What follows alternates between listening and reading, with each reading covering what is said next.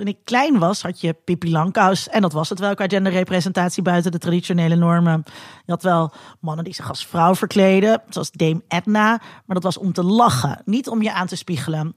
In 1997 zat er een transpersonage in goede tijden, slechte tijden. Meta.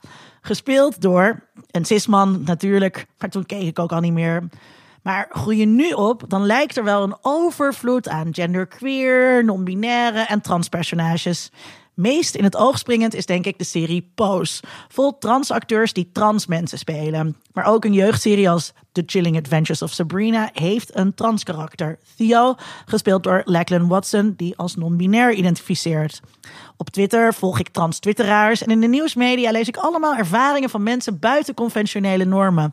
We leven in een gendermoment, zei drag queen Jennifer Hopeless ooit tegen me. En de T van LHBT is eindelijk in de kijker. Deze podcast wordt mede mogelijk gemaakt door Code Clear.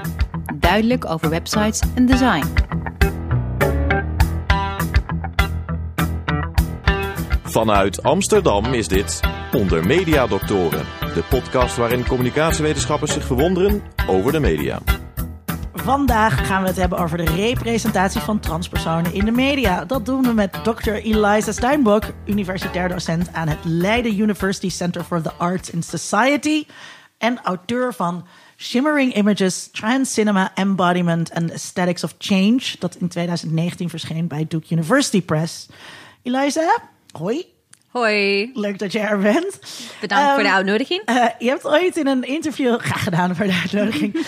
je hebt ooit in een interview gezegd dat een eh, studie naar gender en seksualiteit een studie naar het echte leven is. Wat bedoel je daarmee? Ja, klopt dat. Eh, volgens mij dat is van een interview. Ik heb ooit gedaan over onderwijs. Ik weet niet of het onderwerp het is een quote uit een Dus- interview. Ja, dat ik er ergens heb geplukt toen ik mijn voor-research. Het zat in de knipselmap. Oké, oh fijn. Jullie Ja. hebben een dossier over mij. Ehm, ja, nou misschien... ah, ik, ik start altijd met onderwijs, omdat ik geef eh, een minor. eh cursus in de minor. Gender and Sexuality in Society and Culture. Eh tuurlijk in Leiden. En de students komen van alle vakken. En ik vind het zo leuk met hem om te, om, om te praten over gender en sexuality, omdat iedereen heeft een soort insteek in. Eh, dat is dus heel persoonlijk. Maar eh, ik wil altijd ook een soort eh, alienation moment hebben, omdat wij, wij denken misschien, wij zijn al expert in. Maar eigenlijk, er een heel lang scholarship, een heel lang moment van institutionalization, ook met feminisme. en ook van verandering in concepts van gender en seksualiteit. Dus um, aan de ene kant, we hebben al iets mee en we kunnen ook al samen denken over deze onderwerpen. Maar aan de andere kant, we, moeten ook studie maken. Dus je, je moet ruimte maken voor eh, de analysis of je eigen leven. Dus voor mij is het altijd belangrijk om te vragen, wat is jouw insteek? Daarom vind ik het altijd zo interessant met mensen eh, te praten. Ik Ja. ook. Ik herken heel erg wat je zegt. Ik heb een tijdje lang de Introduction to Gender and Sexuality Studies gegeven aan de UvA. Precies dat. Het is allemaal heel persoonlijk voor de studenten eh, die daarvoor kiezen. Wat natuurlijk meteen betekent dat als wij onze blik richten op mijn vaste mediadokter, vaste mede-mediadokter, dokter Vincent Kronen. Vincent, eh, bevraag jij je gender en je seksualiteit wel eens? Denk jij hierover na? Is dit voor jou het echte leven? Ehm, kijk, het zou aanmatigend zijn om te zeggen dat ik daar op dezelfde manier over nadenk als mensen die niet hetero-cis zijn zoals ik. Hoezo zou dat aanmatigend zijn? Omdat Maar geef- je geef eerst maar antwoord, dan ga ik je daarna bevragen. Nou ja, ik, als ik hierover nadenk, dan denk ik dat er verschillende... Ik geloof heel erg wat je zegt, Elijah, dat het in verschillende fases in je leven... of dat het in je echte leven, komt dat op bepaalde manieren komt het op je pad. Nu komt het voor mij als heterosis man op een andere manier op je pad. Als je aan het begin, weet je, als je een jaar of tien...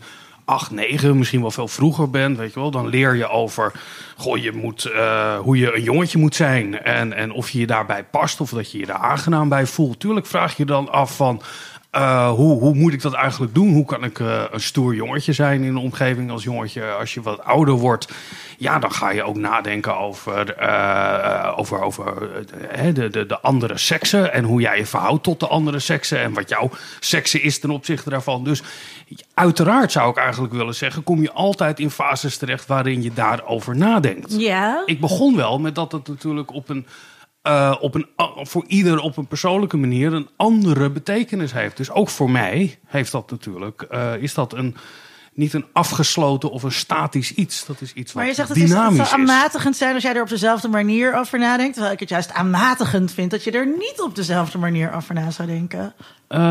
Je denk ik, dat is allebei waar. Maar als we het hebben over waar we het vandaag over gaan hebben, zijn die vragen toch een andere.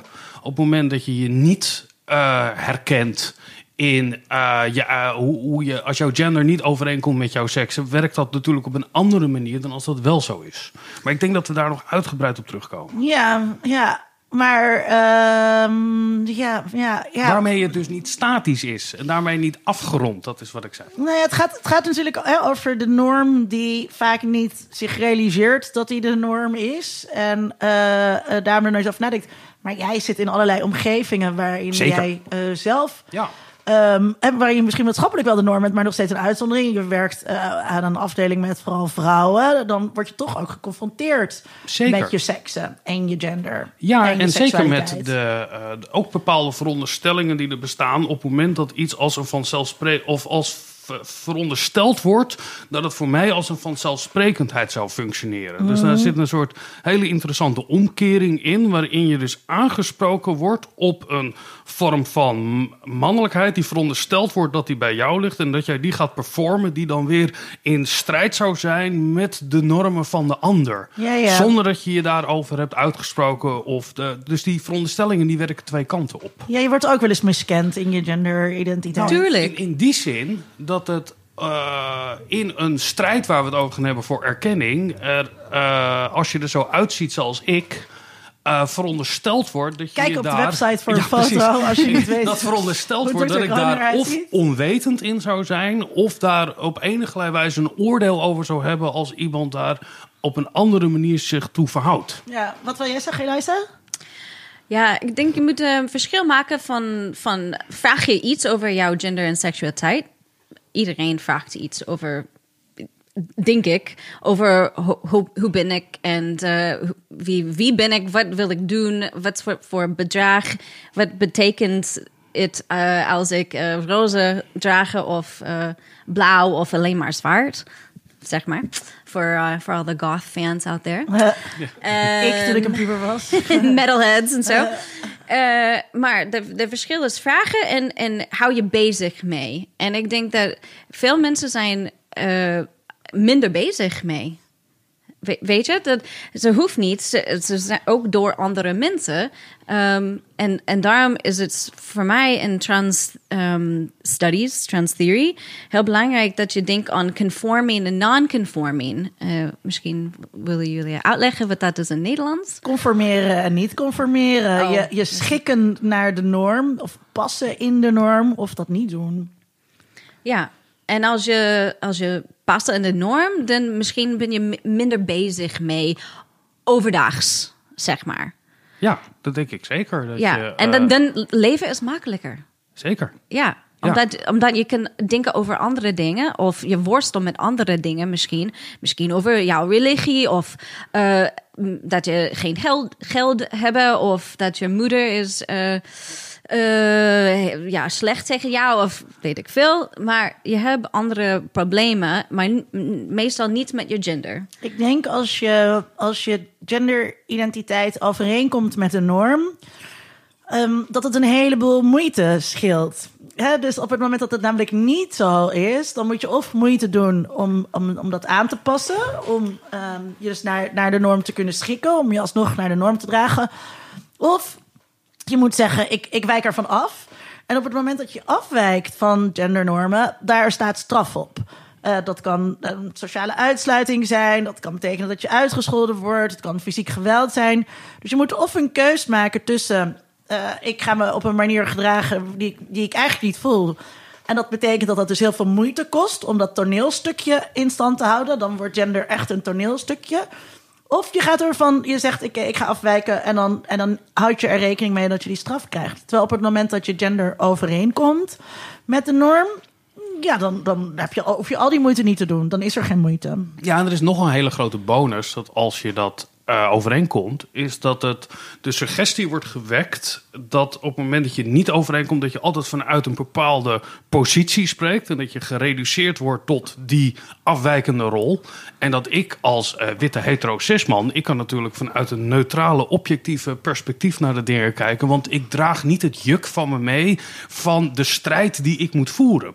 Ik, ik merk dat echt in mijn werk, dat dat een rol gaat spelen op het moment dat je, uh, ja, als je een uh, witte man van middelbare leeftijd uh, bent, dat je de suggestie mee kan dragen dat je niet vanuit een positie spreekt, maar dat je dat doet vanuit een nou, neutraal en objectief en dat soort uh, Ja, alsof, alsof, uh, alsof uh, cisgender hetero niet ook een subjectiviteit is, niet ook ja, een positie. die suggestie die wordt daarin ja. gewekt. We gaan het hebben over representatie van transpersonen in de media. Recentelijk was er de docu Disclosure. Ja. Dat, dat was, dat was best wel een, een ding. Ik heb daar zelf uh, echt met, uh, met open mond naar zitten kijken. Waar gaat hij over? Om, ik heb hem niet gezien. Nou, hè? Zo, zo wordt even het punt van uh, net hiervoor onderstreept. Dis Disclosure is een documentaire waarin voornamelijk uh, mensen, trans mensen die in de media werken, acteurs, actrices.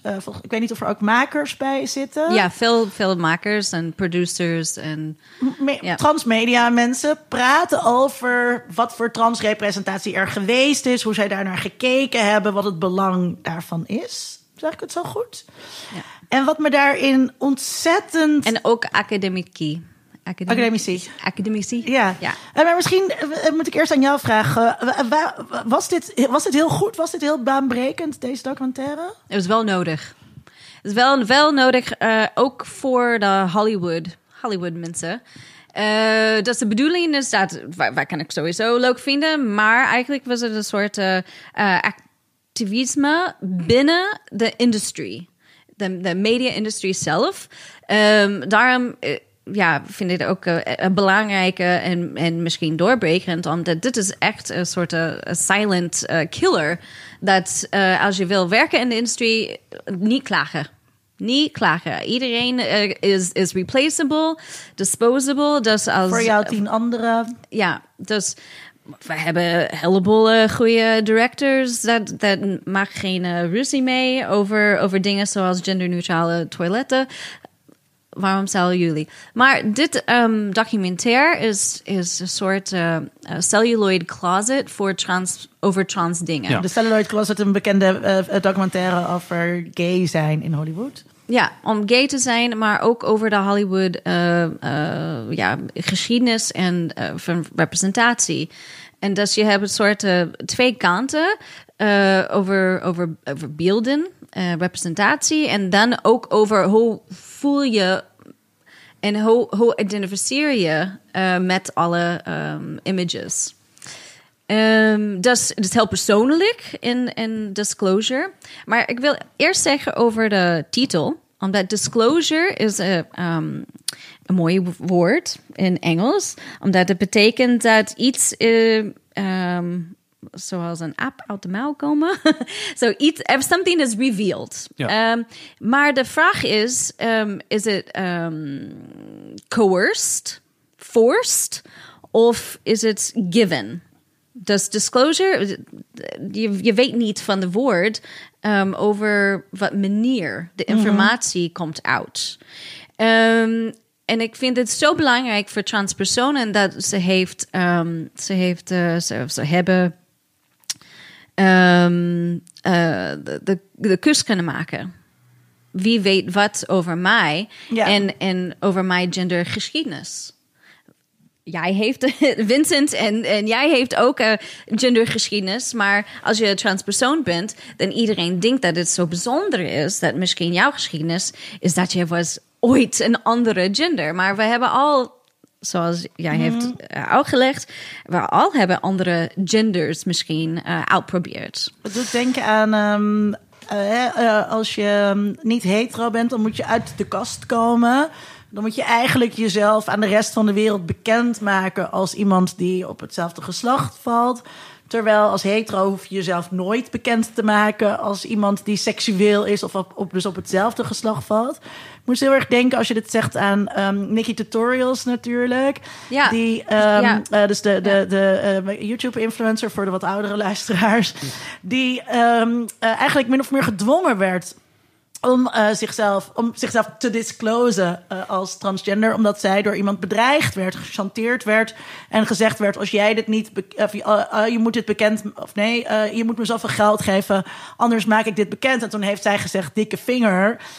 ik ga dit bekendmaken en ik ga helemaal geen geld betalen. Waarvan je aan de ene kant kan zeggen dat is natuurlijk hartstikke stoer. Maar het is absurd dat zij in zo'n positie wordt gebracht. waarin zij iets zal moeten zeggen over haar gendergeschiedenis. Ja. Is er een verschil eigenlijk in hoe uh, ditzelfde narratief lijkt alsof het, uh, zoals met Celluloid Closet, weet je, had je ook die verhalen over mannen of vrouwen die uit de kast gedwongen werden of gechanteerd werden. Nou, wat, wat, wat ik, wat ik in... zit, er een, zit er een verschil in, in dit soort dis, disclosure verhalen? Disclosure gaat niet zozeer over die Hollywood acteurs of die Hollywood medewerkers die hun eigen genderverhaal vertellen. Het gaat ook echt heel erg over wat is de geschiedenis van transpersonages op het scherm. Ja. Dus het is niet per se zo dat al die mensen die in die docu zitten hun gendergeschiedenis op tafel moeten gooien. Nee, even los van deze documentaire. Is, gaat die vergelijking, is die één op één? Tussen uh, uh, mensen komen. dwingen om een soort coming out te hebben, omdat ze uh, verraden worden. Um, Ze praten over de narratief van transpersonen dat zo um, harmful is, um, kwalijk. dat als je ziet alleen maar als je transpersoon en, en je, je, je, je bent uh, sort of revealed als transpersoon, dan dan heb je problemen mee met je familie. Dan, dan heb je, uh, wat is het? Like unhappiness, sadness. Je, je wordt pathetic uh, benoemd of uh, bedreigd of doodslaan. En dat narratief van disclosure equals death. um, that that's what the documentary is trying to push back on. Het is meer over de bes beseffing de, ja, besef. De realisatie. De, realisatie dat, oh, um, ik heb net iets gezien in Bugs Bunny. Dit is zo'n zo leuke um, ja, ja. voorbeeld. In Bugs Bunny. En, en dan besef ik dat eigenlijk, ik ben ook zo'n transpersonage. uh, dus een animatiefilm. Als, als Bugs Bunny zich als vrouw kleedt of ja. Ja, de filmversie van Bugs. Ik ja. weet, ik ja, weet ik niet. volgens mij ja. met, met enorme lipstick uh, kan ik mij iets. Uh... Nou, wat ik, wat, ja. ik, wat ik dus zo interessant vond aan Disclosure was hoe gezegd werd dat zelfs slechte representatie nog steeds goede uh, representatie is. Dus er werd bijvoorbeeld aangehaald over een personage in The L-Word. Um, Max. Waar, ja, waarin nee, nou, eigenlijk wat, wat je standaard slechte representatie uh, uh, zou noemen. Maar mensen in die documentaire vertelden... het feit dat er überhaupt een transpersonage zichtbaar was... dat alleen al was al zo fijn om te zien, om te zien we bestaan. Ons bestaan wordt erkend. En ook binnen de lesbisch uh, community. Ja, en dat, ik vond dat dus heel interessant, omdat dat ook wel een beetje indruist, zeg maar, tegen de ideeën die er zo. Representatie is natuurlijk heel rot. Er wordt heel veel vertrouwen gelegd in representatie. Als we maar betere representatie hebben, dan komt vanzelf ook acceptatie. Ik, ik, uh, ik ben daar altijd heel kritisch op. En ja, ja ik vond dit is dus ja, juist ik een interessante. Dat ook niet. Nee, ik vond dit dus juist zo'n interessante noot dat zelfs slechte representatie een vorm van zichtbaarheid en de, daarmee een vorm van leven is. Zelfs als zo'n transpersonage wordt neergezet als uh, moordlustig of wat dan ook. Ja, bij representatie gaat het vaak over de vraag: uh, klopt het wel? Weet je wel, is het overeenkomstig de werkelijkheid? Ja, authentiek. Uh, maar als we die gedachtegang wel zouden nemen, dan, waarom zou het dan, als, als het beeld van het niet bekend zijn na bekend zijn, maar ge- in relatie wordt gebracht met iets kwaadaardigs. Waarom zou het dan wel iets goed zijn? Omdat het alleen maar het verschil is tussen afwezig en aanwezig. Omdat het alsnog een erkenning is dat deze mensen bestaan. Ja, dat is toch een hele eh, treurige conclusie eigenlijk. Dat dat al winst is. Ja, maar en dan kan je dus. Dat is denk ik. ehm, ehm, we hebben het zo vaak over LBT. Ehm, maar het gaat eigenlijk bijna altijd alleen maar over LH. En nou ja, we hebben al een aflevering gemaakt over de B. Maar, maar die T, de T is voor heel veel mensen veel moeizamer. Dus de, de, het gemak waarmee wij LBT zeggen... doet, de trans, doet mensen heel erg tekort. En als je dus dit luistert... We hebben het, als het gaat over representatie... en mensen zeggen... daarom vond ik die documentaire zo indrukwekkend... op het moment dat mensen zeggen... het maakt niet uit hoe ik gerepresenteerd word... Maar, maar dat, ik, dat ik blij ben dat er, dat er een konijn is dat lippenstift opdoet. En dat ik blij ben dat er een psychopathisch kutpersonage in een serie is. Dat ik daarmee alsnog blij ben. Want dat betekent in ieder geval dat erkend wordt Dat, het, dat, dat, mijn het gender fenomeen- bestaat. Ja, Dat het fenomeen bestaat. Ja, ik vind het een hele verdrietige eh, conclusie. ja, nou Dat ja dat- ik hoop dat dit niet een verdrietige aflevering gaat worden. Maar, Nou. maar we moeten altijd, realistisch, Ja, altijd realistisch blijven. hè, Altijd realistisch blijven. Hey Eliza, laten we even eh, voor wat termen gaan definiëren. Want dat is altijd leuk aan het begin. Wat is trans? Wat betekent dat? Ja, trans is een kort, eh, kort vorm voor transgender, voor transsexual, eh transvestite, trans, transvesti. Ehm, kan ook voor andere trans dingen betekent. Eh, transhumanism, trans-animal en zo. ja. Maar meestal trans is, is een soort korting van transgender. En dat is eh, een soort paraplu-term. Dat is ook eh, historisch. En ik vind het ook zo belangrijk te zeggen, omdat misschien mijn studenten en mensen van tegenwoordig eh denken, nou, transgender, dat bestaat al heel lang, maar eigenlijk niet. Alleen sinds eh, 1990 was het een soort populair term ehm, vanuit Amerika. Eh, maar de betekenis eh, is ook al veranderd sinds, sinds dan. Wat dan? Um, het was eerst van Virginia Prince, de term um, dat was gebruikt um, voor mensen dat wil alleen maar sociaal uh, transitie hebben en een soort Alleen maar sociale transitie? ja, dus overdags um, Wat is een sociale transitie? dat je, je neemt over een soort uh, feminine, feminine of masculine naam en kleding en um, rol, gender role, zeg maar. Uh, maar doe niks verder met je lichaam. En ook niet legaal. Uh, je zorgt niet dat je hebt uh, een andere um, seks- of gendermarker op jouw document, documentation. Op je identiteitsbewijs. Ja, ja. Dus je hebt drie vormen van transitie eigenlijk. Sociaal, medisch en ook um, juridisch. juridisch. Ja, ja. ja. En uh, over mensen die um, medisch in transitie gaan, werd vaak de term transseksueel uh, gebruikt. Uh, wat dan verwijst naar seksen. dus niet zozeer naar seksualiteit, maar naar seksen, seksen overstijgend. is die term daardoor die verandering die je noemt ook in onbruik geraakt? Dat transseksueel? Uh, maakt een comeback op dit moment. Oh, is dat zo? Ja, ja eigenlijk wel. Ja, vooral met, met mensen dat heeft het gevoel dat um, ze wil een soort, uh, zoals met queer, dat dat, dat term was ooit een slechte term, uh, gebruikt door uh, arts, expert. Um, en um, en het, het komt ook met een soort pathologizing smaak.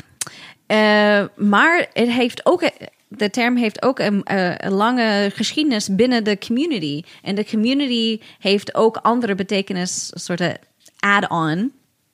En ja, er is ook iets sexy bij voor veel mensen.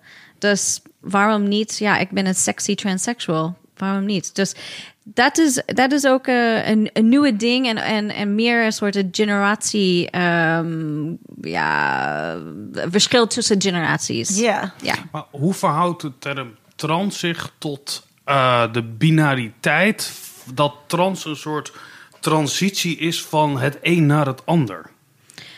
Dat is, dat is eigenlijk een soort eh, ding voor cis mensen. Hoe, hoe kan dat? Hoe kan gender veranderd? Eh, dus in, in de plaats van een soort continuum of eh, ja, eh, 4D.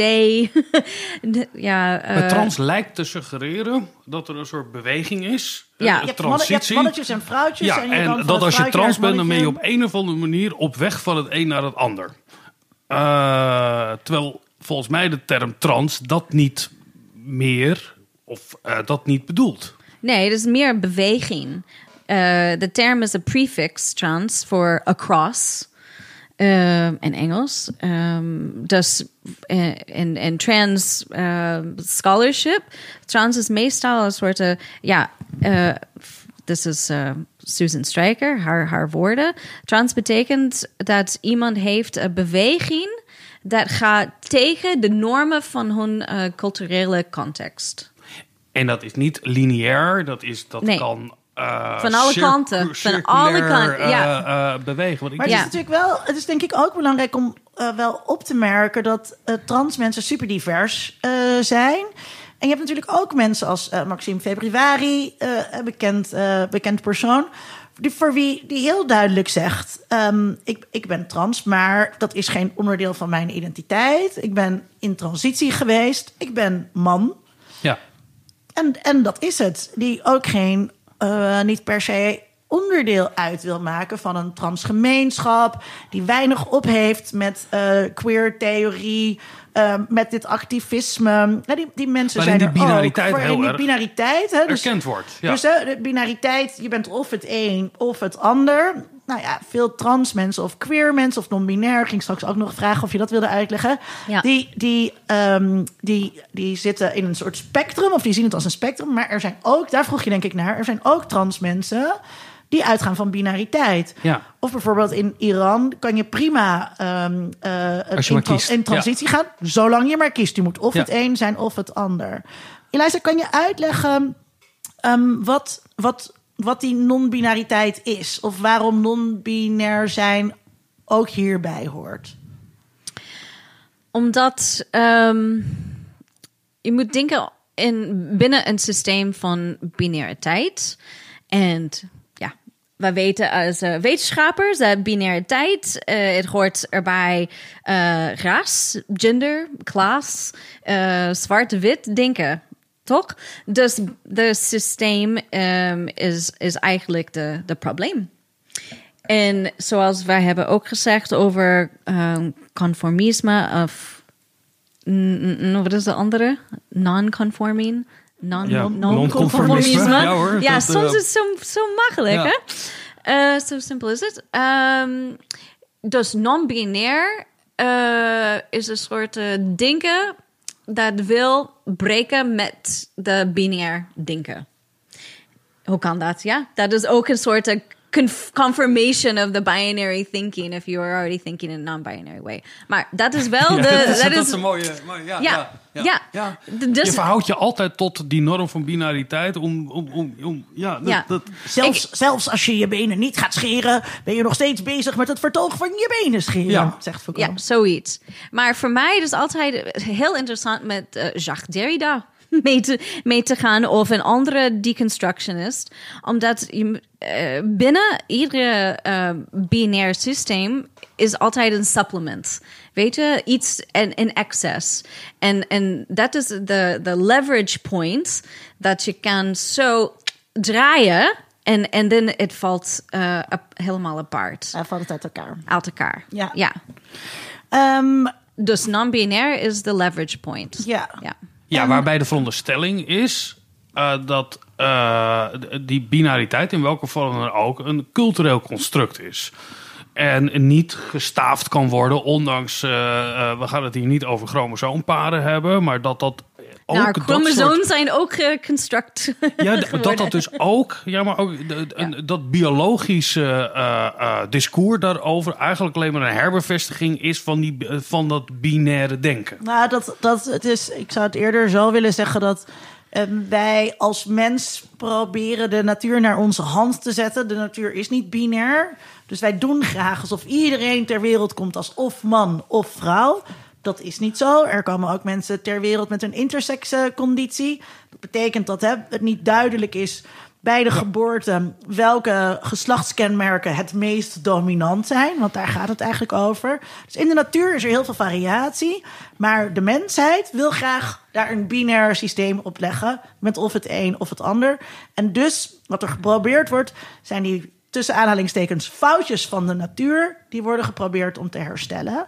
En als het gaat over trans mensen, waarbij de seksen en gender niet overeenkomen, wordt dan hetzelfde gedaan. Hè? Eh, We gaan proberen dat te herstellen, zodat maar duidelijk blijkt dat iedereen of het een of het ander is. En we proberen al die variatie die daartussen zit eh, uit te gummen.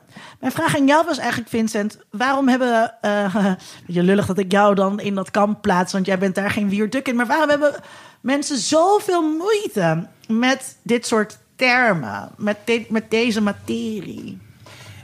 Ik denk dat op het moment dat, even zijn hele in zijn algemeenheid, op het moment dat je categorieën overhoop gaat halen waar mensen hun wereldbeeld op hebben gebaseerd, dat mensen daar heel erg ongelukkig van worden. Dat, dat, dat, dat slaat zeg maar de, de zekerheden om je heen weg. Uh, dus Maar toen, Pluto in één keer geen planeet bleek te zijn, Ja, maar dat- maar, dat toen werden ons- mensen toch ook niet heel boos? Ja, maar dat bepaalt ons wereldbeeld niet elke dag. Ik denk dat we continu geconfronteerd worden met ons eh, eh, gender. We worden niet altijd geconfronteerd met het feit of Pluto nou een planeet is of Met niet. het gender van de ander. Ja, en eh, daar zit Nou, dat is dat meer belangrijk niet uit te voor, leggen. eh, En op het moment dat dat overhoop gehaald wordt, dan gaat het ook ineens over, eh, over, over mij, over, over, over iedereen. Eh, en dat, de, nou ja, de meest banale voorbeeld wat we gebruiken is natuurlijk altijd het, de discussie over de toiletten. Weet je wel, moet je dan naar links of naar rechts? En dan is er opeens een universiteit die zegt van, nou ja, we gooien dat, eh, gooien dat overboord. Eh, we gaan daar niet meer in meedoen op die manier. Nou ja, jeetje, dan moet ik zeker, weet je wat, dan, dan Maar- grijpt het in op mijn... Maar- ik zeg maar- even mij, ik ben daar, Ja, want, maar... want ik vind, dat, ik vind de, leuk dat je over die wc's begint. Want dan kan ik dat even jou voor de voeten werpen. Eh, ik ben eigenlijk nog nooit bij mensen thuis geweest die aparte dames- en heren wc's hadden.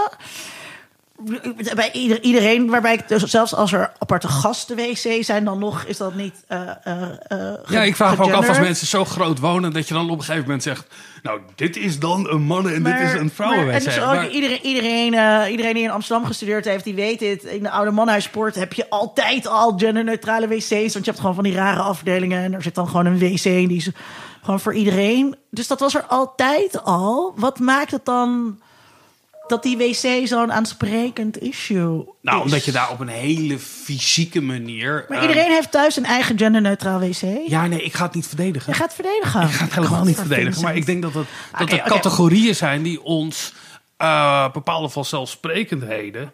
En ja, als je heel erg eh, affirmatief meedenkt met het. Weet je wel, je hebt net geleerd hoe een beetje eh, dat binair in elkaar zit. En dan komen er opeens mensen die zeggen: Ja, maar zo werkt het niet. En het speelt en het beweegt de hele tijd. En eh, het is een. ja, waar moet je dan nog op vertrouwen? Ik heb heel erg het gevoel dat er ook wel een beweging is. Bijvoorbeeld, jij gaf het voorbeeld van Maxime Februari.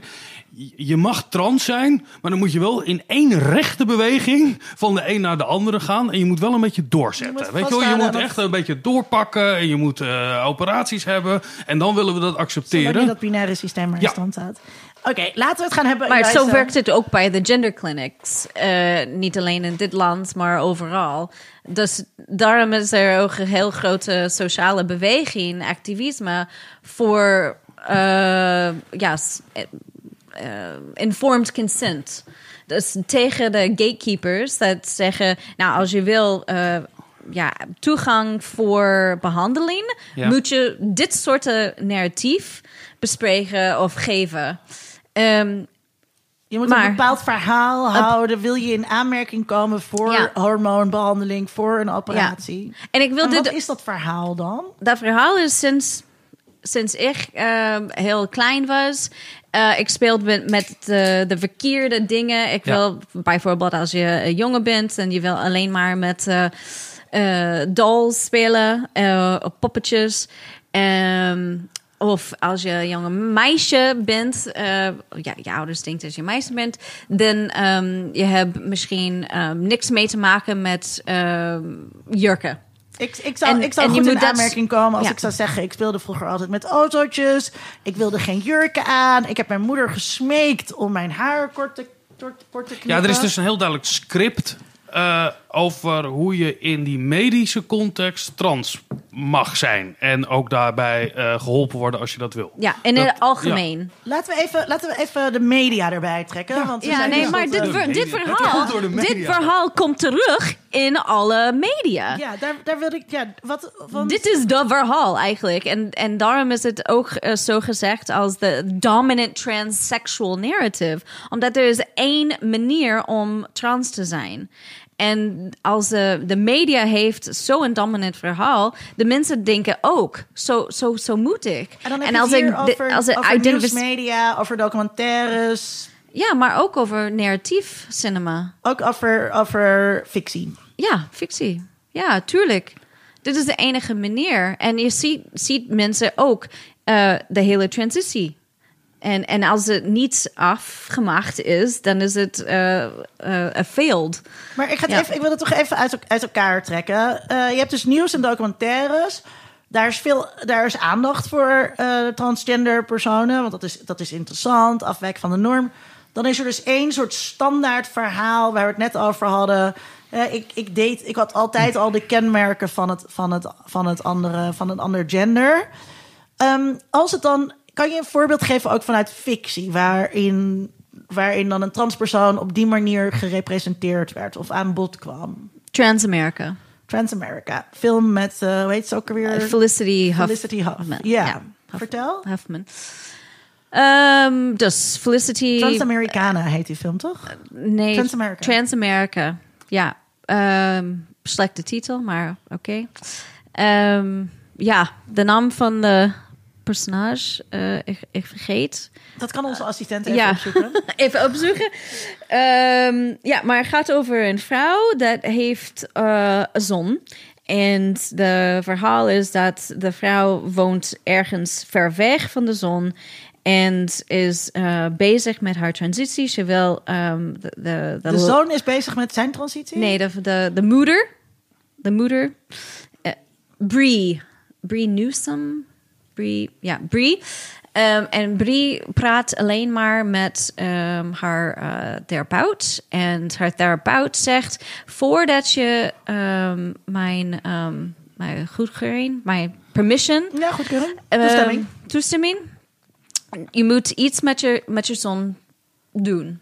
En, en Dus Brie wordt gespeeld door Felicity Huff. En, Ja. oké, ja. en voordat zij in transitie mag, eigenlijk van haar therapeut, Ja. moet ze met haar zoon in het reinen komen. Ja, Brie is al bezig mee met de sociaal en, en legaal judicie, maar nog niet met de, de medical. Um, dus it is also the problem that the film shows that there is one surgery.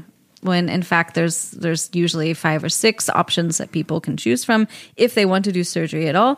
Maar dus lichamelijk, er is een, een, een, soort of probleem met een piemel. En de hele, de hele film draait rond eh, de probleem met de piemel. Maar piemels zijn ook Ja. machtig interessant, ja.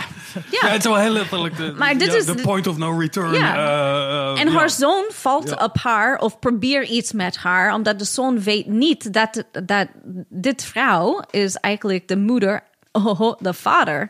Dus er is een soort of homo eh, Wow, panic, wow, eh, incest panic. En ook, je ziet de, de bijwerking van de gatekeeping, omdat de therapeut zegt, nou, je moet iets met de zon eh, dus, en dus, dus ja, de, hele, de hele fictie draait om ehm, alle, alle, ja, let's say, de eh, mogelijkheden van, van de, als je wilde af met de piemel en je hebt hem nog steeds, wat gebeurt? Ja, wat, wat ga je met die piemel doen? Ja, ja. Ik De enige, ja, ja. ja, maar als een transvrouw, dit is eigenlijk heel trauma-inducing. Omdat misschien, dit is het één lichamelijke deel dat je wil helemaal niks over zeggen. en, Ja, dus... Waar laat je hem dan en stop je hem in een doosje? Ja, nee, dit is Ehm, helemaal voor, voor cis mensen om een soort laugh, laugh a minute, ha ha ha. Eh, maar eigenlijk is het een soort of horror story of wat een trans vrouw moet doen en en all the people she has to please. Maar Eh, dat is, ja. dat is een goed voorbeeld van wanneer, van wanneer een representatie slecht is. Heb je, is er, heb je ook een voorbeeld van wanneer representatie goed is? tuurlijk. Give it to us. Tuurlijk. Ehm een van mijn favorieten zijn ehm eh, By Hook or By Crook. eh, een film van Silas Howard en Harry Dodge. Ehm, ik heb ook mijn MA-scriptie over dit film. Beste ge- luisteraar, alles komt ja. in de show notes hoor. Dus eh, geschre- u hoeft nu niet te geschreven. gaan googelen. Ja. Ja, Dat dus Vincent, terwijl ik zeg maar gewoon maakt de show plannen, notes. niet op Ja. Vincent de Dit is eigenlijk gewoon een reminder Linda. Zet het in de show notes. Ehm, en bij Hooker bij Crook ehm, gaat het over vriendschap tussen twee mannen. Eh, maar twee mannen dat zijn ook heel queer. En je weet niet, zijn, zijn ze trans man of butches of hoe dan ook. Maar je ziet hoe belangrijk ehm, de, de verband is tussen deze twee personen. En ook dat ja, gender is niet alles voor hen. Ze hebben ook problemen mee met familie of met geld of met... Buikgriep. eh, ja, misschien. nee, maar, maar één, eh, dat, de enige dat is eh, gespeeld door Harry Dodge heeft ook ehm, mentale issues. Ehm, ja, maar ze zijn through and through there for each other. En ik vind dat dit dit is een soort of relief verhaal dat ik vind zo belangrijk. En ehm, ik, ik mis dit in, in meeste filmen. En wat, ehm, want het is een heel duidelijk voorbeeld van een goede representatie. Misschien eh, komen er straks nog wel meer titels. Maar wat maakt dan een representatie goed? Of waar moet iets aan voldoen? Wil het een goede representatie zijn?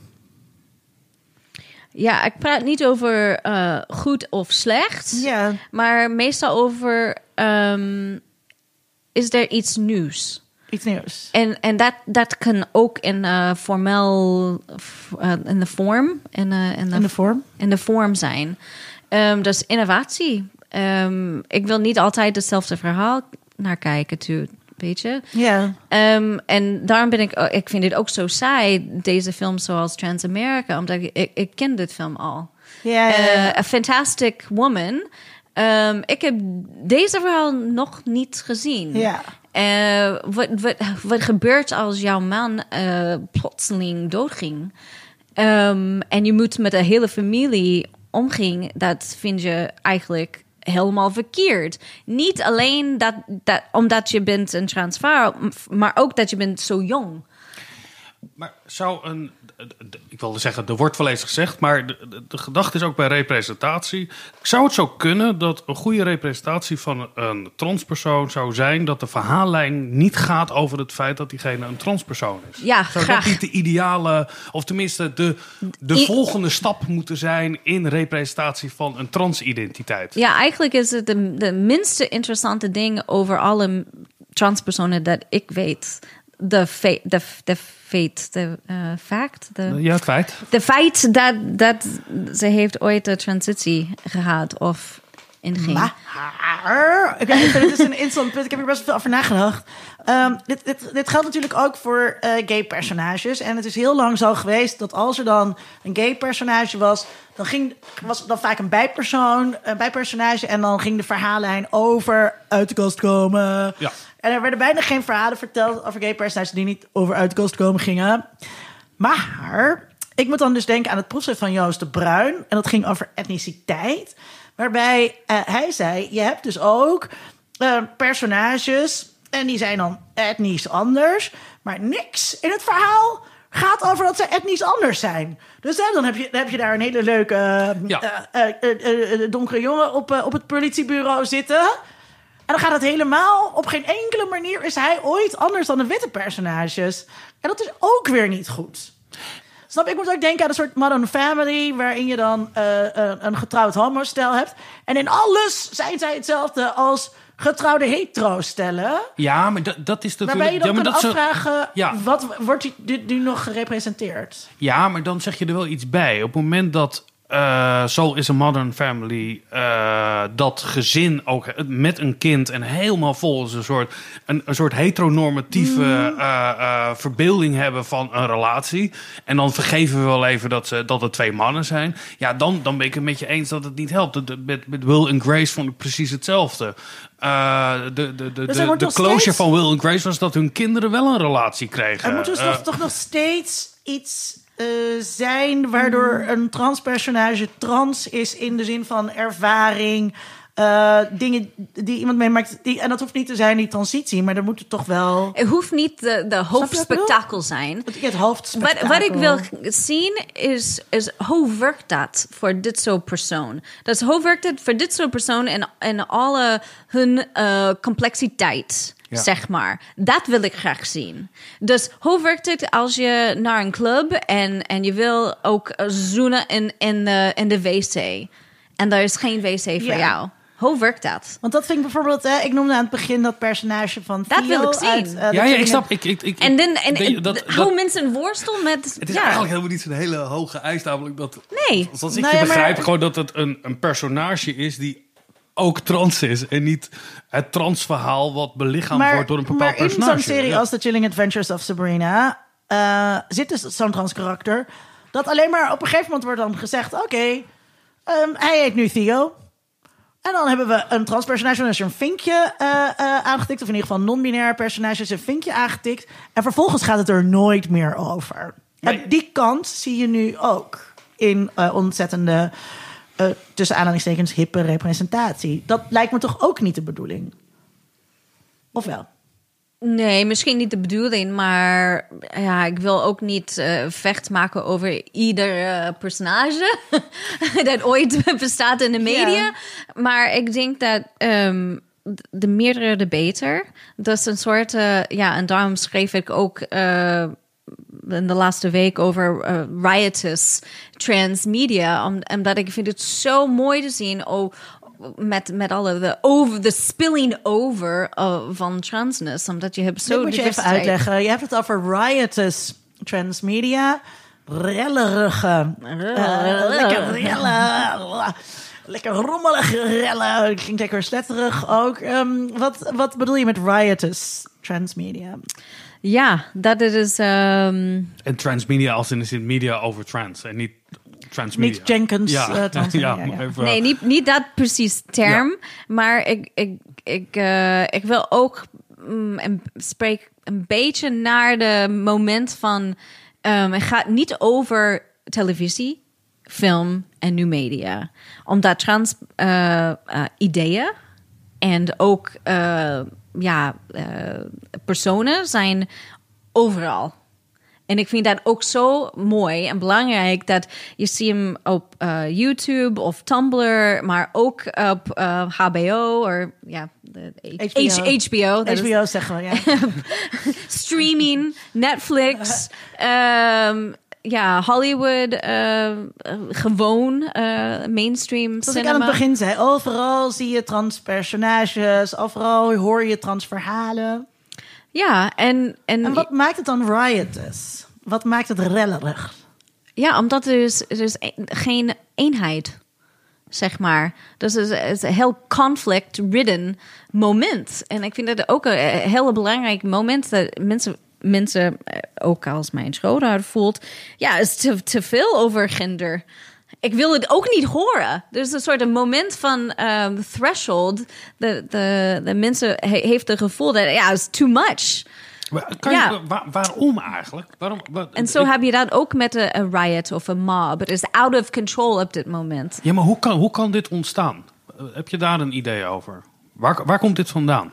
Omdat er lang genoeg onderdrukt is, Vincent. Als je Ja, maar lang dan is er toch altijd een spark eh, geweest, ergens, waardoor dit... Er zijn nog wel meer eh, eh, eh, verhalen van onderdrukking die spark niet... that will light the rebellion that will bring the republic. uh, will Wat, bring wat, the- wat, wat heeft dit... Waar kunnen we dit naar Ik mompelde herleiden? hier even een Star Wars quote trouwens tussendoor. Ja, Ik- daar luisteren we ik niet naar. Nou, Ja. ik denk cultureel. ehm jij heeft iets heel bijzonders gezegd. Dat ehm, de soort of fundatie van onze samenleving ehm, ja, is op dit moment niet stabiel. En ik denk dat heel veel mensen eigenlijk identificeert met trans personages, omdat voor hun, hun, leven is misschien minder stabiel, maar they survive it. Ze, ze vinden een, een manier ehm, om in dit instabiel leven te leven. Ja, maar waarom is die aandacht ontstaan? Waar is die ruimte gekomen? Kijk, vanuit rechtsconservatieve hoek wordt gezegd... dat is natuurlijk gewoon een vooropgezette idee... om het fundament van de westerse beschaving te ondermijnen. Laten we dat zeggen. We hebben dit allemaal Dat- besloten dat op de vergadering van Ja. de feministen. Ja. Eh, dat is, eh, laten we dat zeggen, theorie A. Maar eh, zonder gekheid, wat, wat, wat, wat is jullie idee over Ik waarom denk- ja, deze aandacht voor ik- gender is ontstaan? Wat ik, zei, wat ik zei in mijn inleiding, wat eh, Jennifer Hopeless zei, we leven in een gendermoment. Ja, maar waar komt dat vandaan? Hoe- Nou ja, dat, dat, dat komt eh, door, door, door, door meerdere factoren. Als je kijkt naar zeg maar Judith Butler en queertheorie en hoe dat aan de universiteit kwam. de- begin, begin jaren negentig. En dat heeft op een gegeven moment momentum gekregen, ook buiten de universiteit. En nu het woord queer, dat ligt in de mond van, van menig, menig jongmens. Je zit met ehm, eh, een, een herleving van feminisme. Eh, hè, met een opleving van feminisme waarin dit soort dingen heel belangrijk zijn. Je ziet een opleving ook van queer eh, activisme. Überhaupt activisme leeft op. En, en, en dit is gewoon, ja, ik zei het al, hè, die, die letter T heeft gewoon heel weinig aandacht gekregen. We zitten in een tijd waarin we eh, ook elkaar als activisten allemaal goed onder de loep leggen. Hè, zijn we, eh, eh, kijken we wel naar alle letters voldoende? Zijn we wel voldoende maar intersectioneel? is dat dan een, een, een, logische opeenstapeling? Of is een logische van- opeenstapeling, Van, waarbij ook die, die T ontzettend lang genegeerd is geweest.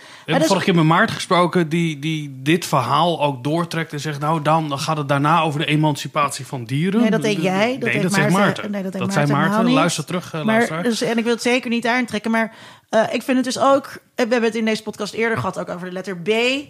Toen we daar de eerste keer een aflevering over, over maakten, toen was het echt heel slecht gesteld nog met de representatie van biseksualiteit in, in populaire cultuur. Dat is in een hele korte tijd heel snel veranderd, omdat wij in een moment zitten van verhoogd activisme en verhoogde aandacht hiervoor. Het gaat echt heel rap allemaal. En ik ben het helemaal eens met Eliza als ze zegt: we leven in een, in een, in een in riotous transmedia. Het is, het is rellerig, er is heel veel. Er zijn sommige dingen die zijn heel provocatief ook. Ja. Ehm, Helemaal- helemaal mee eens, En, maar ik- ik- maar dat, en dat past bij deze, bij deze tijdsgeest.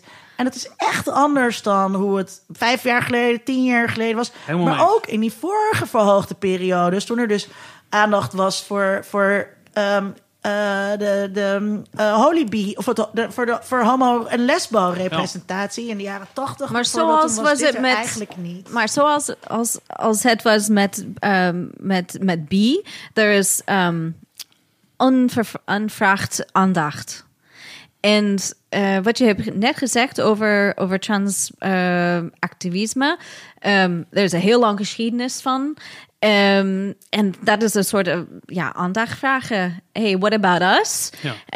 D- dus de Sylvia Rivera's uh, moment in 1973 op uh, the, the, the platform for gay liberation. She said, y'all better settle down now you know, I was there. I've been fighting for you. I've been going to jail. Fuck you. You know, and she left the gay liberation moment um, and literally left New York City omdat um, ze voelt zo, ja, uh, Miskend. miskend. Ja. Maar de laatste 10 of 15 jaar van haar leven were in dedication to the movement for all gay people. Dus ook transpersonen. En, en zij identificeert als um, transvestite of drag queen. Uh, en gay, ja, dat is een heel andere verhaal over taal. Um, maar ik denk in de media, je hebt heel um, een mooi moment van spanning van vraagd en onvraagd aandacht. Gevraagd en ongevraagd aandacht. Ja. Ja, dus je hebt media dat is ongevraagd, zeg maar. En dat is een soort uh, ja, spectacle of specimen media. En dat, dat denk, uh, dan, dan moet je denken over, over transitie en surgery en... Uh, piemels! Piemels en ja... ja Sen, heb je, heb je sensationele... Ook, ja, heel sensationele ja.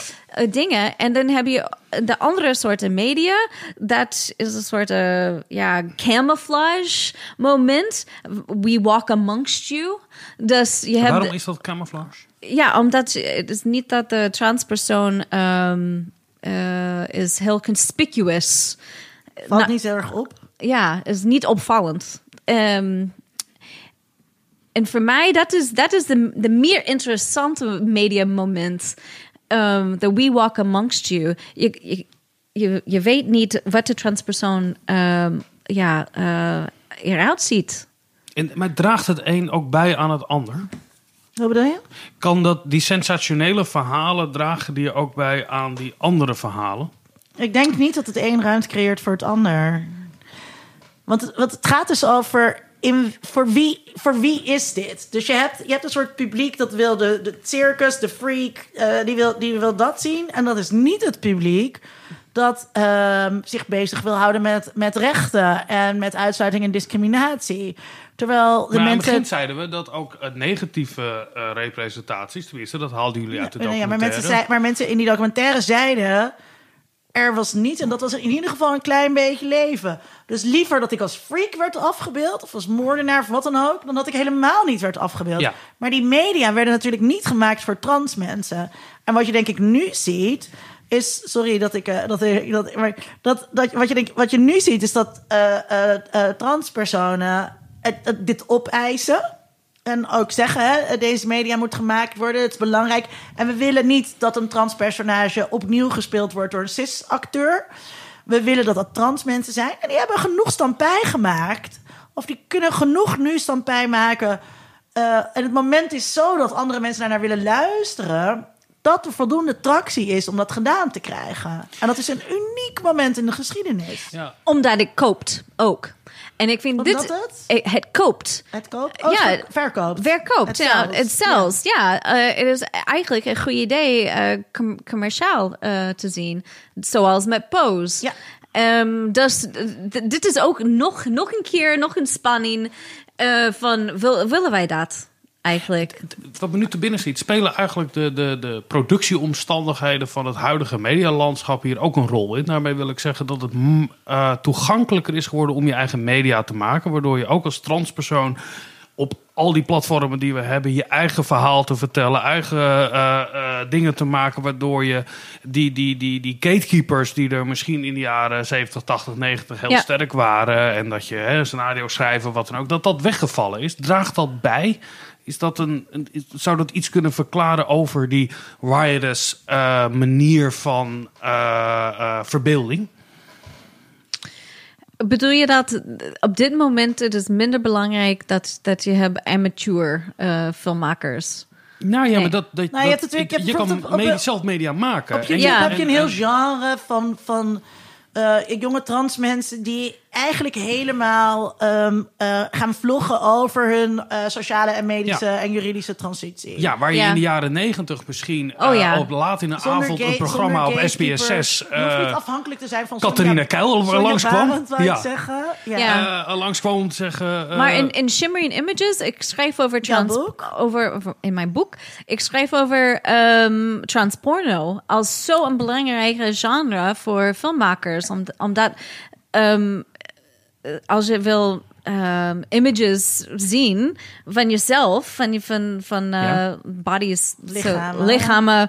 zoals jezelf en, en heel eh, sexy, erotic. ja, in en- lust en, en ja. Ja, zo. Wordt dat gemaakt ook door, eh, wordt dat ook gemaakt door transpersonen? Ja, En ni- niet door eh, de grote eh, bedrijven die de jaren 80, 90 had, die porno maakten. Die Nee. natuurlijk niet daarvoor eh, kozen, want het publiek was te klein. Nee, nee, ik, ik schrijf over de, eigenlijk transporno uh, gemaakt door transpersonen. Ja.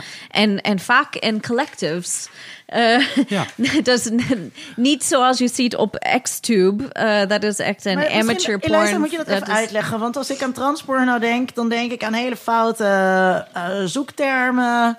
Eh, eh, waarbij- er is een soort eh, fascinatie met, met, met translichamen. eh, wat ook heel transfobisch kan zijn. Of ingegeven kan zijn vanuit transfobie. Aan die porno moet ik als eerste denken. Maar dat is niet wat jij bedoelt. Nee, maar er is iemand, Buck Angel, um, dat is een goede voorbeeld van Ehm, een pornomaker dat was ooit op de internet, transsexualman.com. Eh, bestaat op dit moment niet. Maar eh, Buck Angel heeft eh, een soort commercial career gehad.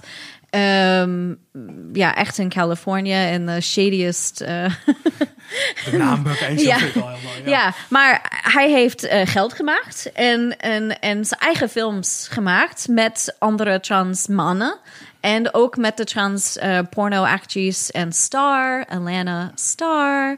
Ehm, en heeft de eerste van, van alles gedaan. En De het- eerste van... van alles. Van De- alle genres, van- subgenres en Ja. eh, categorieën die ik ook vind. Ja, De, de eerste eh, ja, commercieel pornfilm met eh, trans man en trans vrouw. Nou, trans vrouwen zijn de, de ja, iedereen denkt aan female porn. Dat is wel de, de Ik wou dat niche. niet zeggen, ja. Ja, ehm, maar dat, dat is eigenlijk een term. Ehm, en Alana Star is, is een heel grote star in deze genre. Maar ik, ik, ik eh, wil ehm Buck Angel eigenlijk als een voorbeeld geven, omdat hij heeft ruimte gemaakt ook voor andere trans mannen te zien, oh, zo kan het ook met mijn lichaam en ook met mijn seksualiteit. En ehm, dan heb je de ftmfucker.com, dat is ehm, James Darling. En andere mensen, dat is de Georgia Peach. Ehm, en, en ik vind het zo mooi te zien dat je hebt ook community eh, dat, dat groeit rond eh, ja, deze soort of porncultuur. Ehm, dus dit was echt een heel belangrijk moment, eh, expres voor FTM, female to male transsexual, trans mannen, masculine of center mensen, dat heeft nooit seksueel eh, beelden van hemzelf gezien. Ja, porno leent zich natuurlijk ook op een buitengewoon eh goede manier om lichamen en seks te tonen. Dat, Ja. dat, dat, dat, ja, Ja. dat is ongeveer de kern van wat porno is. Maar ook in deze Ja, dus context het is, ook ja. onderwijs. Ja, ja. zeker. Ed- ja. educatie. Ja. Ja. hoe ziet een lijf eruit? Een, een, een, in goede en slechte voorbeelden. Ja, en wat, Eh, wat doen eh, andere mensen ook met dit soort eh, ja. deel van... Ma- mag je dat lekker vinden? eh, als, Ja. Op het moment dat dat Ehm, gemaakt wordt, en hoe waarschijnlijk vraag wel. je voor plezier? En, Ja.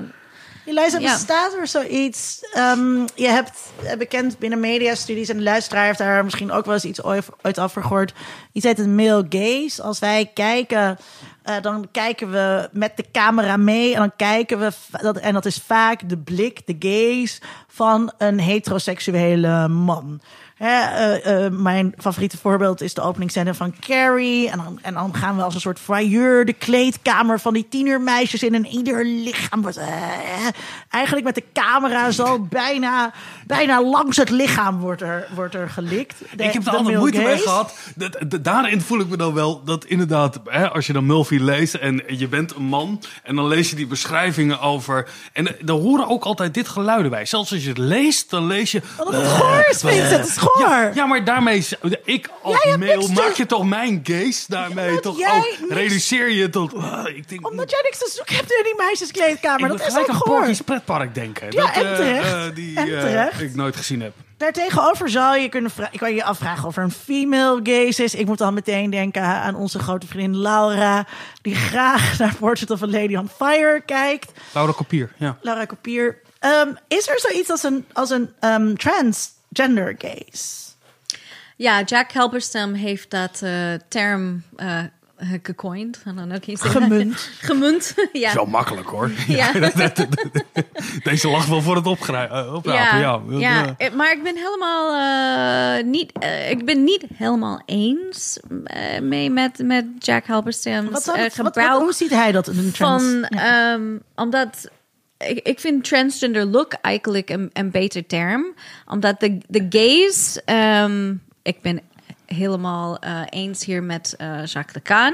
De, ge, de, de gaze is van niemand. De gaze eigenlijk is een omniscient personage ehm, dat heeft eigenlijk geen ehm, lichaam. Dat is heel belangrijk. Dat die moet heel neutraal zijn, maar eigenlijk heel phallic, heel mannelijk. Um, daar- daarom is de gaze meestal in alignment. uh, how do you say that? Komt overeen met? overeen met, komt overeen met ehm, de mannelijk personage. En, en die personage heeft eh, een, een look en kijkt naar eh, iedereen. En, Die heeft een, wat is een look dan? een look en kijk. De manier waarop je kijkt. Ja, de manier waarop je kijkt. Waarin ja. onderscheidt een look en een gaze en een view dan zich van elkaar? Ja, omdat de gaze, de gaze um, is, is eigenlijk de camera. En de camera komt soms um, in alignment met een pers- personage. Ja. Ja, um, dus de transgender gaze, zoals de, de eh, eh, denk ik, is, is net zo fout als de male gaze, omdat de male gaze um, it um, belongs. The male gaze doesn't belong to any goddamn man, not Ja. one man.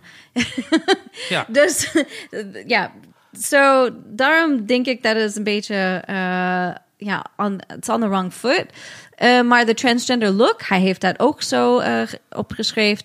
Ehm, en, en ook in de voorbeeld van Boys Don't Cry, ehm, een film van Kimberly Pierce.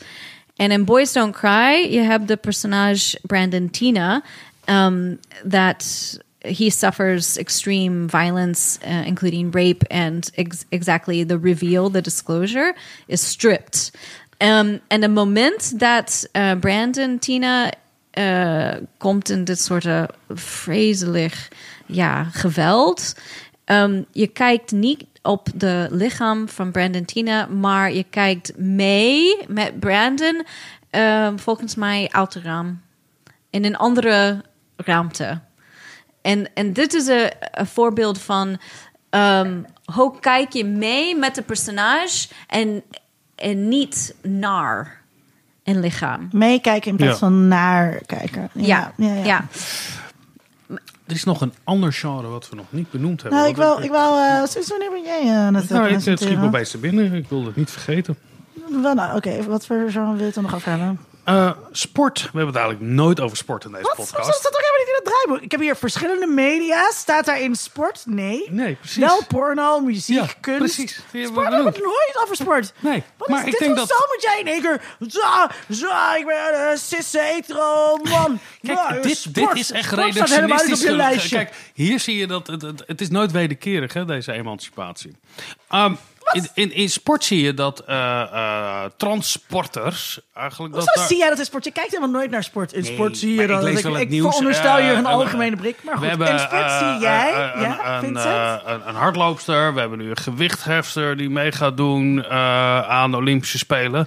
En daar zie je... Het, je ziet er opeens dat er... eh, ja, er is wel acceptatie naar, eh, op, op, op- tot op zekere hoogte naar een eh, transidentiteit. Maar het moet wel eerlijk zijn. Hoe, hoe, hoe kijk jij daarnaar, naar die discussie? Wel, wacht even. Wat? Eh, Hoe eh, moet ik het toelichten? Je- nee, oké, je, hebt het, je hebt het bijvoorbeeld over eh, iemand zoals eh Caster eh, eh. Semana. Ja. Waarbij getwijfeld wordt aan of zij wel vrouw is. Deze discussie ga je oplepelen. En een, In deze eh, podcast. een- Gaat deze discussie Nee, oplepelen? ik wil, ik- ik- we hebben het toch over representatie. Dit is toch een onderdeel van de representatie van, van, van, nee, het eh, gaat... Het gaat want, van transpersonen. maar gaan, gaan we het dan hebben over de discussie die over haar gevoerd ja, wordt? Of ben gaan wij de discussie van zelf Eliza doen? te horen. Op, Op een welke... meet, wil je het op een metaniveau Ja, doen? tuurlijk Of- wil ik het op een meterniveau. Ik wil, ik wil geen uitspraak horen of je, of je vindt dat ze Nou, dat zei je net. Is het, ja, je zei net, is het wel eer, Maar dit is dus een Nee, soort dat- viert duk argument. Dan komen dus mannen zeggen... Duits, ik vind het helemaal niet eerlijk voor die, voor die vrouwtjes. Ik ben geïnteresseerd in de representatie van trans. Nee, jij en zei, de het wel representatie van trans zit ook in de nieuwsberichtgeving over het, sport. we kan het terugluisteren. Je Ja. vroeg, is dat wel eerlijk? Dus, maar nee, ik heb het over het- Nee, ik stel. Ja, ik neem hier wel. Ik vind, dat, ik, vind het een, ik vind dat een naar iets om op te brengen in deze podcast. Ik vind het helemaal geen naar onder- onderwerp, omdat het een wezenlijk onderdeel is over hoe trans gerepre- ge- gerepresenteerd wordt. Eliza, Maar dan stel je vraag. Stel- Wat is je vraag? zie jij in die representatie van trans, als het gaat in de kaders van sport, zie je, wat zie jij daarin gebeuren? Uh, confusion, meestal. Uh, ja, mensen waar, waar in, in, in de war geraakt. Um, door, is dit een vrouw of niet? En um, soms denk ik dat is heel trans-antagonist. Uh, ja, transphobic. Maar, um, en, en ja, antagonistic uh, vind ik een beter woord. Omdat... De standpunt is eigenlijk dat iets vreemd is. En niet dat iemand eigenlijk een heel goede sporter is.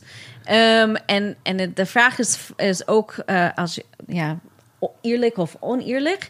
Ehm, en Ja, dat Linda is- begreep het niet helemaal. dat Maar dat is natuurlijk een construct van, van, van, het, van het discours waar het dan ineens over gaat. Van, Ja, eh, dus de discours eh, sluit uit, denk ik, andere en, en misschien meer belangrijke vragen over ehm, ja, hoe ziet eh, ja, vrouwelijke sporters uit?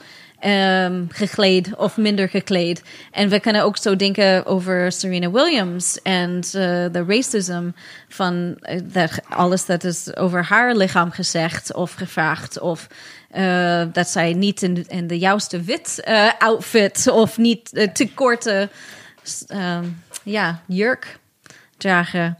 Ehm, dus ik denk dat de, de racism en seksisme eh, dat, dat onderlijdt ehm, deze kaders. Dit, dit voor mij is eigenlijk de belangrijke punt als je kijkt naar de, de representatie van eh, ja, verkeerde vrouwen. Meestal. Het gaat niet meestal over mannelijkheid. Nee, hè? Nee, het Nee. altijd, en, en, en daar ligt dan ook de nadruk op over, inderdaad, in dat vertoog over dat het eh, het onderliggend is. Ja, als, we, dus als je dan wil winnen, kan je gewoon als man, schrijf je in als vrouw en dan, dan fake je. Volgens mij heb je dezelfde verhalen Ja. ook over Paralympische Spelen, weet je wel? Dat, Ja, en dat- Caster Semenya vraagt altijd: Nou, waar- waarom is Michael Phelps eh, ook niet gedoopt? Of niet, ja, ni- ja omdat eh Caster moet eigenlijk eh, blokkers nemen. Of eh, extra est- estrogen nemen. Dus dat is eigenlijk een soort of eh, vergifting in Ze, haar moet, lichaam. ze, mag, ze mag niet, of, eh, ze moet blokkers nemen voor haar testosteron, omdat gezegd wordt dat ze te veel testosteron heeft. En omdat ze zoveel testosteron aanmaakt, zou ze daarom geen vrouw zijn. Ja. Ja, maar niemand vraagt Michael Phelps iets te doen over zijn ehm, ja, Ja, ja, dit is medische heel- probleem of stoornis. Ja. Ja, Zie je daar een verschil in, in, in, in dat eh, verhaal over intersexen en trans?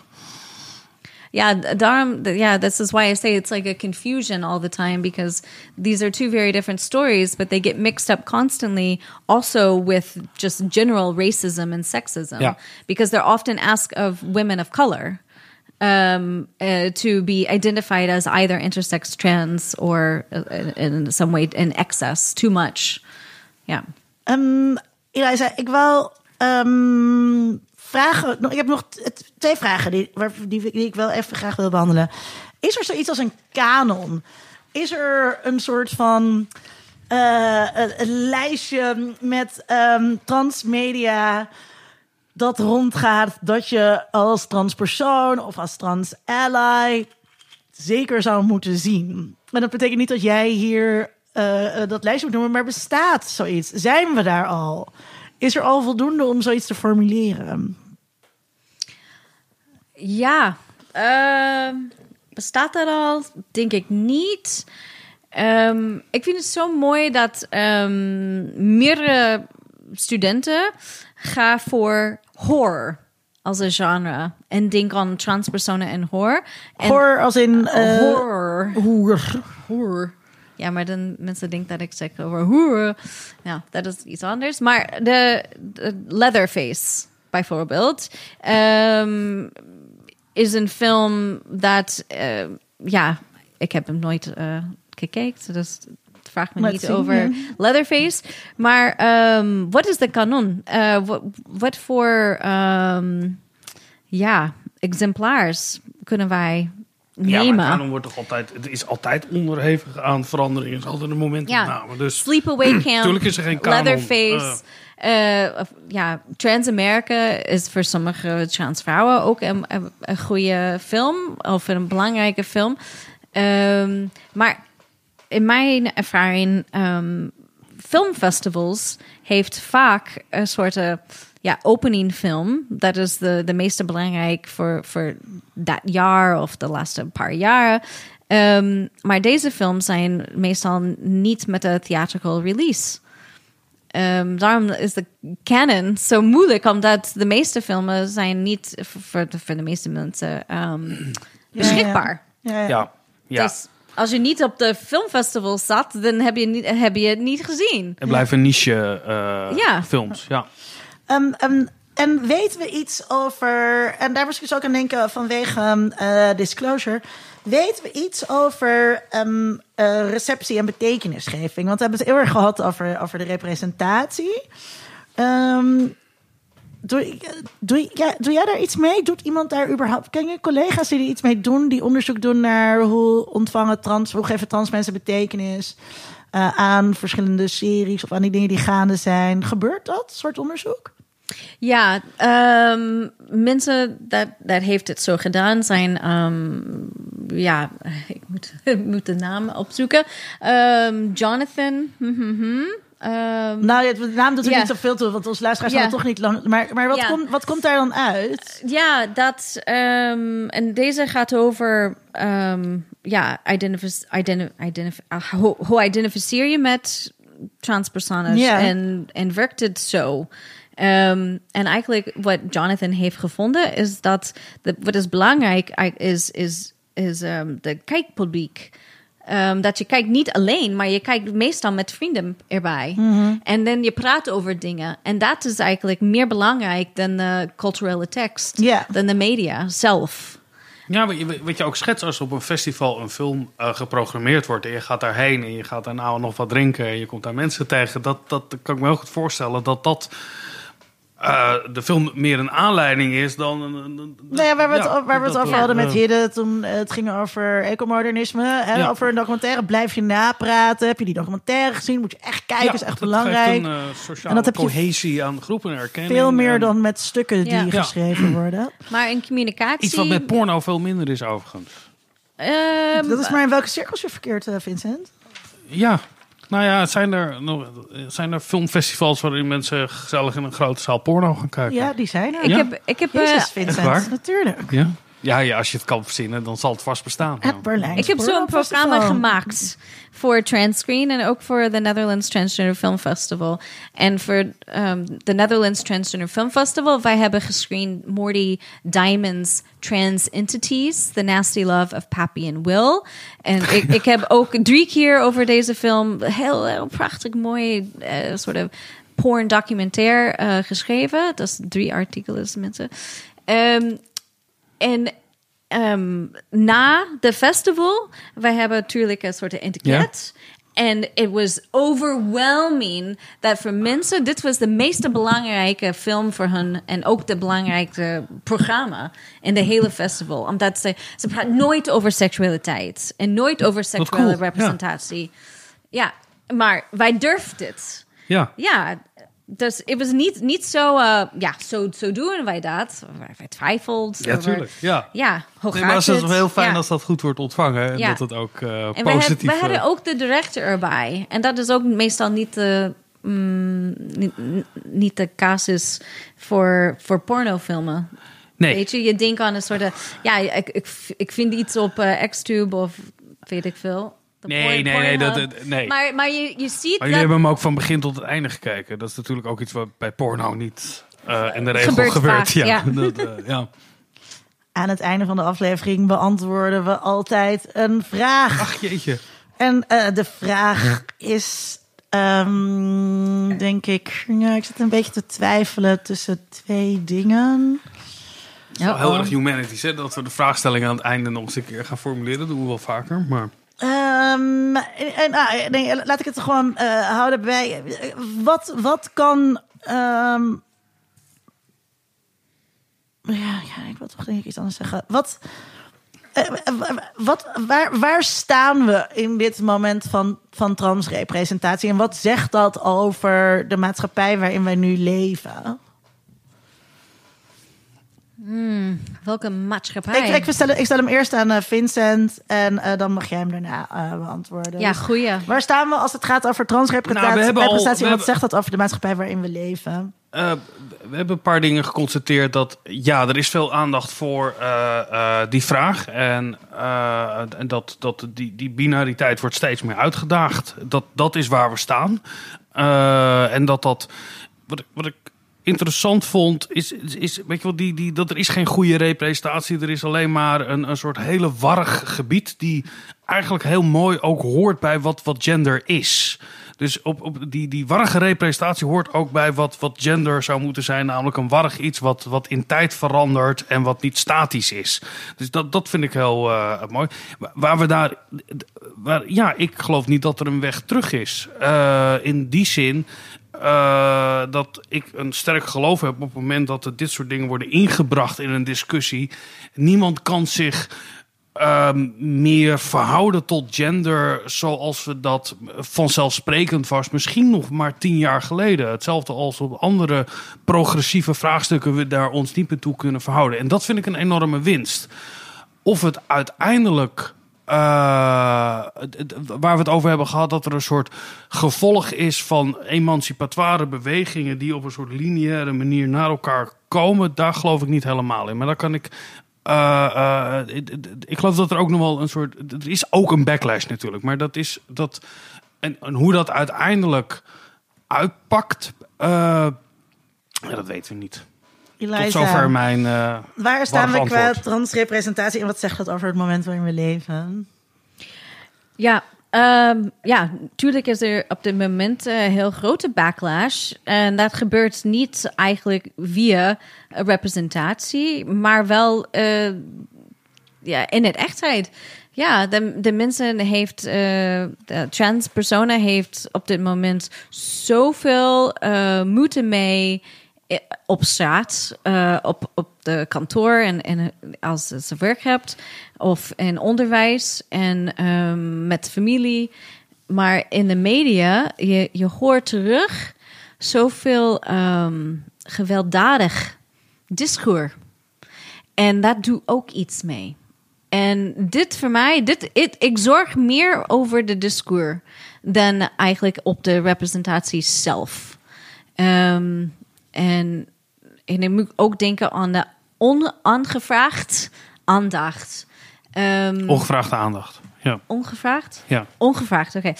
Aandacht. Um, als dit gebeurt in de media, zo gebeurt het ook op straat. En mensen durven te zeggen, zeggen dingen. Omdat, ja, je ziet, ja, gonzo-style uh, media. Um, ja, maar ik zie dit ook in, in het algemeen dat uh, je hebt meer ja, spanning. En, en, en transgender is één soort wedge issue op dit moment. En, en daarom is het ook niet um, ja, een closed case. Ik denk dus um, dat we inderdaad heel erg in een gendermoment leven... waarin je aan de ene kant in een soort uh, lekkerland terechtkomt op streamingdiensten en dat er allerlei fantastische representatie is. Waar aan de andere kant allerlei mensen die ernaar zouden moeten kijken, er helemaal niet naar kijken. En de backlash die je van hun krijgt heel groot is. Volgens mij was het vandaag nog in de Telegraaf dat een van de eikel weer iets heeft gezegd van ik identificeer me niet als een helikopter. Dat wordt ook wel eens gezegd of zo. Maar ook er met zoiets ontzettend flauws kwam. Um, die, back, die backlash is heel sterk. Dus de strijd wordt op het scherpst gevoerd. Ik zeg graag. Is dat zo? Wordt die strijd gevoerd of is er gewoon een soort parallele discussies? die er zijn. Is er een, een werkelijkheid van mensen die. Oh, het is allemaal gek. Is er een werkelijkheid van mensen die in elkaar geslagen ja, worden, die taxis geweigerd wordt? Ja, dat is er. Nee, maar in, we hebben het over representatie. Hoe scherp wil je. Nee, maar het gaat niet over representatie. Het gaat over die strijd die wordt gevoerd. Dat is een, dat is een materiële realiteit van mensen die hiermee te maken hebben. Dus dat, dat, het, is, het is leuk dat we kunnen praten over, over representatie, over hoe tof Pose is, of over hoe geweldig groep als Drag Race is. Nee, maar de, realiteit, de materiële werkelijkheid die daarbij hoort, is dat dit gewoon een realiteit is voor, voor mensen op straat. Dus ja, uh, uh, dus die discussie wordt, het is niet alleen maar een discussie, het is echt een strijd. Um, en die wordt op het veld gevoerd. Ik uh, zeg vaak, het hele gendersysteem is in beweging. Dat zie je heel erg. Dat is een schip dat aan het wankelen gebracht is. Door vrouwen, door homo's, door transgender mensen. En die boot die gaat kapseizen. En er zijn mensen die daar baat bij hebben. Mensen die daar geen baat bij hebben. En die mensen die daar geen baat bij hebben, die proberen uit alle macht om te voorkomen dat het schip gaat zinken. Maar ik denk dat het schip gaat zinken. En terecht trouwens dat die mensen balen dat dat gaat gebeuren. Want hoe heet die gast van de Telegraaf, Rob Hoogland of zo, geloof ik. Die gaat ook verliezen. Er zijn allerlei middelmatige mannen en die uh, gaan verliezen. Rob Hoogland, ja. Op, nou ja. op deze noot. Dit was aflevering 144 van de podcast Onder Mediadoktoren. De redactie, dat zijn wij, Linda en Vincent. Kijk op ondermediadoktoren.nl voor ons archief en vind daarin bijvoorbeeld aflevering 35 over biseksualiteit, aflevering 57 over mannelijkheid, aflevering 85 over queer media en als je naar Vincent luistert ook, wat was het, aflevering 143 over dieren en mensen en media. Toch? Deze podcast is gratis, maar podcast maken kost wel geld. We hebben materiaal, maar betalen bijvoorbeeld ook iemand voor de audio-nabewerking. Vind je ons goed en wil je ons steunen? Word dan Patreon. Patreon com slash ondermediadoktoren of vriend van de show, vriendvandeshow.nl slash ondermediadoktoren. Zoals altijd danken we onze vaste Patreon Matthijs van Lisdonk. Matthijs, we houden van je, ongeacht... Nee, sorry, ga ik niet zeggen. Um, ik, uh, oh, je kunt ons ook steunen door uh, iemand die graag naar podcast luistert over ons te vertellen... Houd daarbij vooralsnog anderhalve meter afstand. En over een tijdje mag je dat ook in iemands oor fluisteren. Heel veel dank aan Eliza. Dankjewel, Eliza. Ik zei aan het begin uh, dat je verbonden bent aan de Universiteit Leiden. Maar dat is nog maar heel kort zo. Dus als mensen jou in actie willen zien of als ze les van je willen krijgen, dan zullen ze toch echt naar Maastricht moeten gaan, waar je vanaf september verbonden bent en vanaf januari les gaat geven. Ja. Schrijf je in. Spannend schrijf je in in Maastricht. Heel veel dank ook aan mijn vaste mediadokter, dokter Vincent Kronen. Volgende keer gaan we het hebben. De volgende keer is de seizoensfinale. Ja, dat uh, carnaval wordt het. Nou, het wordt vooral het volgende seizoen wordt het carnaval, want dan Ja. gaan we ons tiende seizoen. Is het tiende seizoen? Dan- volgens mij Misschien gaan we dan carnaval in mijn hoofd omdat jij naar Maastricht gaat. Weet je, want dat zo werkt, het- zo werkt de geest, ja. Volgende keer eh, doen we dus de seizoensfinale met de kinders van onder mediadoktoren. Ja, dus als jij misschien ook een podcast wil maken en wil leren hoe je daar eh, wel een baan kan vinden, dan eh, luister vooral. Precies, met de kinders die dus nu allemaal succesvolle volwassenen zijn en geld verdienen met podcast maken, opgroeien in podcastland. Dus heel graag tot dan.